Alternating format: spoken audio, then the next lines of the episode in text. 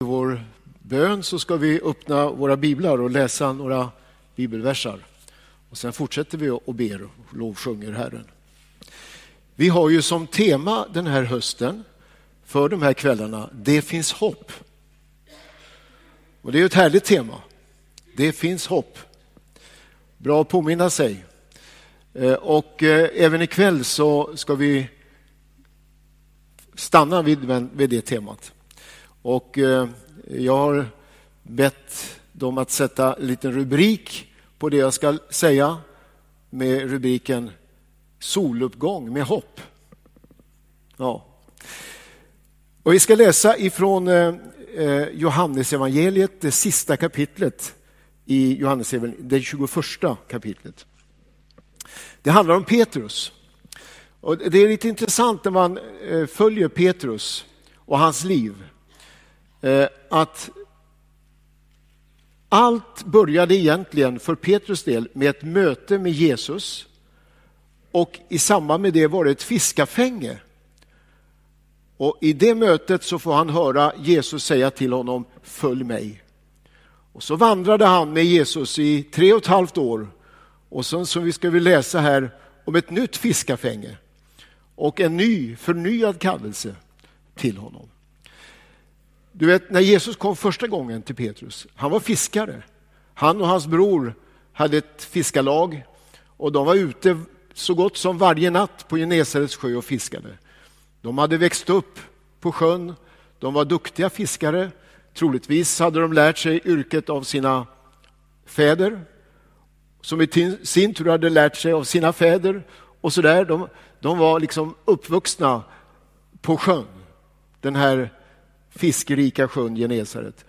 Men det som berättas i det första mötet med Jesus, det är när Jesus kommer till honom och ber att få låna hans båt.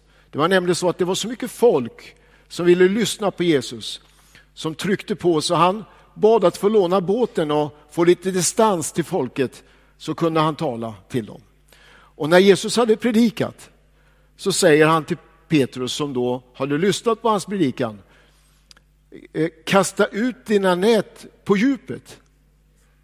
Och då säger Petrus, ja men mästare, vi har hållit på hela natten men inte fått någonting. Det där känner vi igen som fiskare, eller hur? Att man kan gå eh, och fiska utan att få någonting. Han hade med all sin yrkesskicklighet så hade de fiskat en hel natt och inte en enda fisk så säger Jesus, kasta ut näten på djupet. Och då hade man kunnat tänka sig att Petrus hade sagt till Jesus, du Jesus, med all respekt, det är jag som är fiskare, du är snickare. Kom inte här och försök lära mig hur man ska fiska på Genesarets sjö. Det här kan jag. Dessutom så är det på nätterna vi fiskar. Nu är det ju mitt på dagen, det är helt fel tid. Och man kan inte fiska när det är så mycket folk runt omkring. Det begriper du Jesus, det här går inte. Men, säger Petrus, därför att du säger det, på ditt ord vi lägger vi ut näten. Så de åkte ut med sina båtar, ut med näten och fick en så stor fångst så att näten höll på att gå sönder. Och när han kom i land med den där stora fångsten så säger Petrus till Jesus, Gå bort ifrån mig, mästare. Jag är en syndig människa. Han förstod här hade han att göra med någon som, som var från Gud. Och det är då Jesus säger till honom, Petrus, du ska inte fiska fisk i Genesarets sjö, du ska fiska människor. Kom, följ mig. Och den dagen lämnade Petrus sin båt. Han drog upp den på land sköljde sina nät, lät dem ligga i båten och så hade den legat där nu i tre och ett halvt år. Han hade vandrat med Jesus. Följ mig.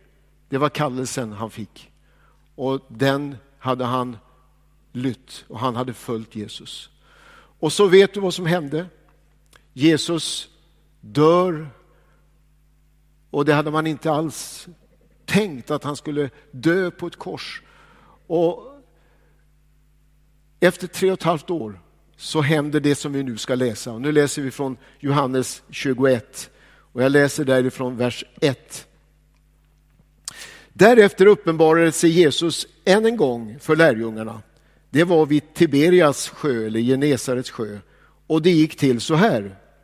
Simon Petrus och Thomas som kallades Tvillingen, Natanael från Kana i Galileen, Sebedaios söner och två andra av hans lärjungar var tillsammans.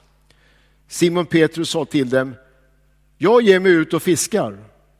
De andra sa, vi, gör, vi går också med dig. De gick ut och steg i båten, men den natten fick de ingenting. Tidigt på morgonen stod Jesus på stranden, men lärjungarna visste inte att det var han. Jesus sa till dem, mina barn, har ni något att äta? De svarade nej. Han sa, kasta ut näten på högra sidan om båten så ska ni få. Då kastade de kastade ut nätet och nu orkade inte längre dra upp det för all fisken. Den lärjunge som Jesus älskade sa då till Petrus, det är Herren. När Simon Petrus hörde att det var Herren tog han på sig ytterplagget, för han var, inte, han var lättklädd, och kastade sig i sjön. De andra lärjungarna kom efter i båten, de var inte långt från land. När de kom i land fick de se en glödhög och fisk som låg på den och bröd. Jesus sa till dem, bär hit av fisken som ni fått. Simon Petrus steg i båten och drog in nätet. Den var full av stora fiskar, 153 stycken. Och fast det var så många gick nätet inte sönder. Jesus sa till dem, kom och ät. Ingen av lärjungarna vågade fråga honom vem han var. De förstod att det var Herren. Jesus gick fram, tog brödet och gav dem och likaså fisken. Det var tredje gången som Jesus uppenbarade sig för lärjungarna sedan han hade uppstått från de döda. När de hade ätit sa Jesus till Simon Petrus, Simon, Johannes son, älskar du mig mer än dessa? Han svarade, ja herre, du vet att jag har dig kär. Jesus sa till honom, för mina lamm på bete. För andra gången frågade han, Simon, Johannes son, älskar du mig? Han svarade, ja herre, du vet att jag har dig kär. Jesus sa till honom, var en herde för mina får. För tredje gången frågade han, Simon, Johannes son, har du mig kär? Petrus blev bedrövad över att Jesus för tredje gången frågade, har du mig kär? Och han svarade, Herre, du vet allt. Du vet att jag har dig kär. Jesus sa, för mina får på bete. Amen, amen säger jag dig. När du var yngre spände du själv bältet om dig och gick vart du ville. Men när du blir äldre ska du sträcka ut dina händer och en annan ska spänna bältet om dig och leda dig dit du inte vill. Detta sa han för att ge till känna med vilken död Petrus skulle förhärliga Gud. Sedan sa han till honom, följ mig. Det var en turbulent tid som låg bakom för Petrus. Om man ser tillbaka den senaste veckan här i Jerusalem. Nu befann han sig i Galileen, men de, hade, de kom ju ifrån Jerusalem. Du vet hur, hur vi i söndags påminner oss om hur Jesus red in i Jerusalem. Och Petrus tillsammans med de andra lärjungarna var fyllda av hopp inför framtiden. Nu tar man emot Jesus som konungen. Hela Jerusalem var på benen och på fötterna och hälsade honom välkommen. Och så sker det där obegripliga, utvecklingen. Jesus, Petrus var med Jesus i ett semane. Han begrep ingenting av vad som hände. När Jesus söker sig undan för att bedja. Och, och Petrus han fattar ingenting, han, han somnar. Han var trött och han somnade, han begrep inte vad som... Och när man väl kom och skulle gripa Jesus så vaknade Petrus till liv och drog sitt svärd och han försökte på sitt sätt liksom försvara Jesus. Han förstod ingenting. Och så vet vi utvecklingen. Efter bara några timmar hänger Jesus på korset. Och liksom allt rämnar för Petrus. De förstod ingenting. Så hände det där intressanta den där påskdagsmorgonen när, när Jesus uppstår från de döda och Petrus är en av de första som kommer till graven, kommer tittar in i graven och ser att den är tom. Och så får han höra budet ifrån några kvinnor som säger att de har mött Jesus. Och Jesus hälsar, ta er upp till Galileen igen, där ska ni få möta mig. Ja, och det gjorde man. Full av frustration. Man hade liksom pendlat mellan hopp och förtvivlan och nu så tar man sig upp till Galileen. Och vad gör man när man kommer dit? Ja, det var tydligen inget direkt lukrativt att vara lärjunge till Jesus. De hade inga pengar. De hade ingenting att köpa mat för. Och vad skulle de göra? Petrus han var ju en praktisk man och handlingskraftig dessutom. Så han säger till de andra, Nej, men jag har ju en båt här. Jag kan ju fiska. Jag, jag åker ut och fiskar en natt. Och de andra säger, okej, okay, vi hänger på. De var ju också många av dem fiskare. Och de ger sig ut den där natten och fiskar. Och så står det precis samma ord som det stod tre och ett halvt år innan. Den natten fick de ingenting, eller den natt vi fiskade, vi fick ingenting. Ingenting. Och du kan väl kanske förstå, tänka dig in lite i den här frustrationen, i, i, i den deppighet han upplevde och sen dessutom en hel natts arbete och inte en enda fisk. Alltså han var ju nere på säkert på botten känslomässigt. Då ser man någonting på stranden. Det står någon på stranden och det brinner en eld på stranden. Och man förstår inte riktigt vem är det. Men när mannen på stranden ropar lägg ut näten på högra sidan på båten så gör man det. Och så får man en så stor fångst så att man inte kunde nästan bärga den. 153 fiskar drar man in. I, eh, och det var då, liksom hela den där scenen, och man, man kommer ju ihåg hur det var för tre och ett halvt år sedan, där vid Genesarets sjö, när Jesus kom och de drog upp fångsten. Och när då de i sin ungdom de hörde Jesus säga följ mig ord, det var liksom igenkännandets eh, situation. Och de säger, han på stranden, det måste vara Jesus, det är ju Herren. Och Petrus, han tar chansen. Han tänker nu, är det Jesus så måste jag dit. Jag måste få träffa honom. Senast han hade träffat Jesus, då hade han förnekat honom. Och han hade gått ifrån översteprästens gård och gråtit bittert. Det var sista gången han hade liksom haft närkontakt med Jesus. Sen hängde Jesus på korset. Men det är ju Jesus. Och Petrus han tar sin mantel och så kastar han sig i vattnet och tar sig i land för att få möta Jesus. Du, det kommer alltid en soluppgång efter den mörkaste natt. Det finns alltid någon på stranden även när det är en hopplös situation. När man har jobbat och inte tyckt sig få någon respons på det man har gjort, när allt liksom är nere, deppigt, så står han på stranden. Och han finns där, inte med förebråelser, inte med pekfingret i högsta hugg, utan med en eld, med fisk, med nybakat bröd. Och han säger kom, ät, ni måste vara hungriga efter en hel natt.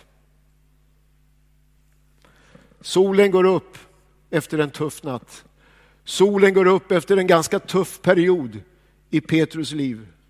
Och där på stranden så får han, förstår han att det är inte slut med mitt lärjungaskap, utan allting slutar med att Jesus säger till honom, Petrus, följ mig. Precis de orden han hade hört tre och ett halvt år tidigare upprepar Jesus nu. Petrus, följ mig. Dessförinnan, vi läste det här, så var det en liten dialog mellan Jesus och Petrus. varje gång jag läser det här så känns det som att jag, jag, jag, kommer i, jag tränger mig in i ett personligt samtal mellan Jesus och Petrus. Det är som ett själavårdssamtal som jag inte egentligen har rätt att lyssna eller överhöra. Men det måste ju vara så att Johannes som skrev ner det här har fått tillåtelse av Petrus att skriva ner det. För det var ju en dialog mellan, mycket personlig dialog mellan Jesus och Petrus. Då Jesus ställer frågan till honom, Petrus, älskar du mig mer än de andra? För det var ju det Petrus hade sagt när, han, Jesus, när Jesus hade talat om eh, sin död och, och, och, hur det skulle bli för honom. Så säger Petrus, om än alla andra överger dig, inte jag Jesus, lita på mig. Och nu frågar Jesus honom, hur är det Petrus? Älskar du mig mer än alla de andra?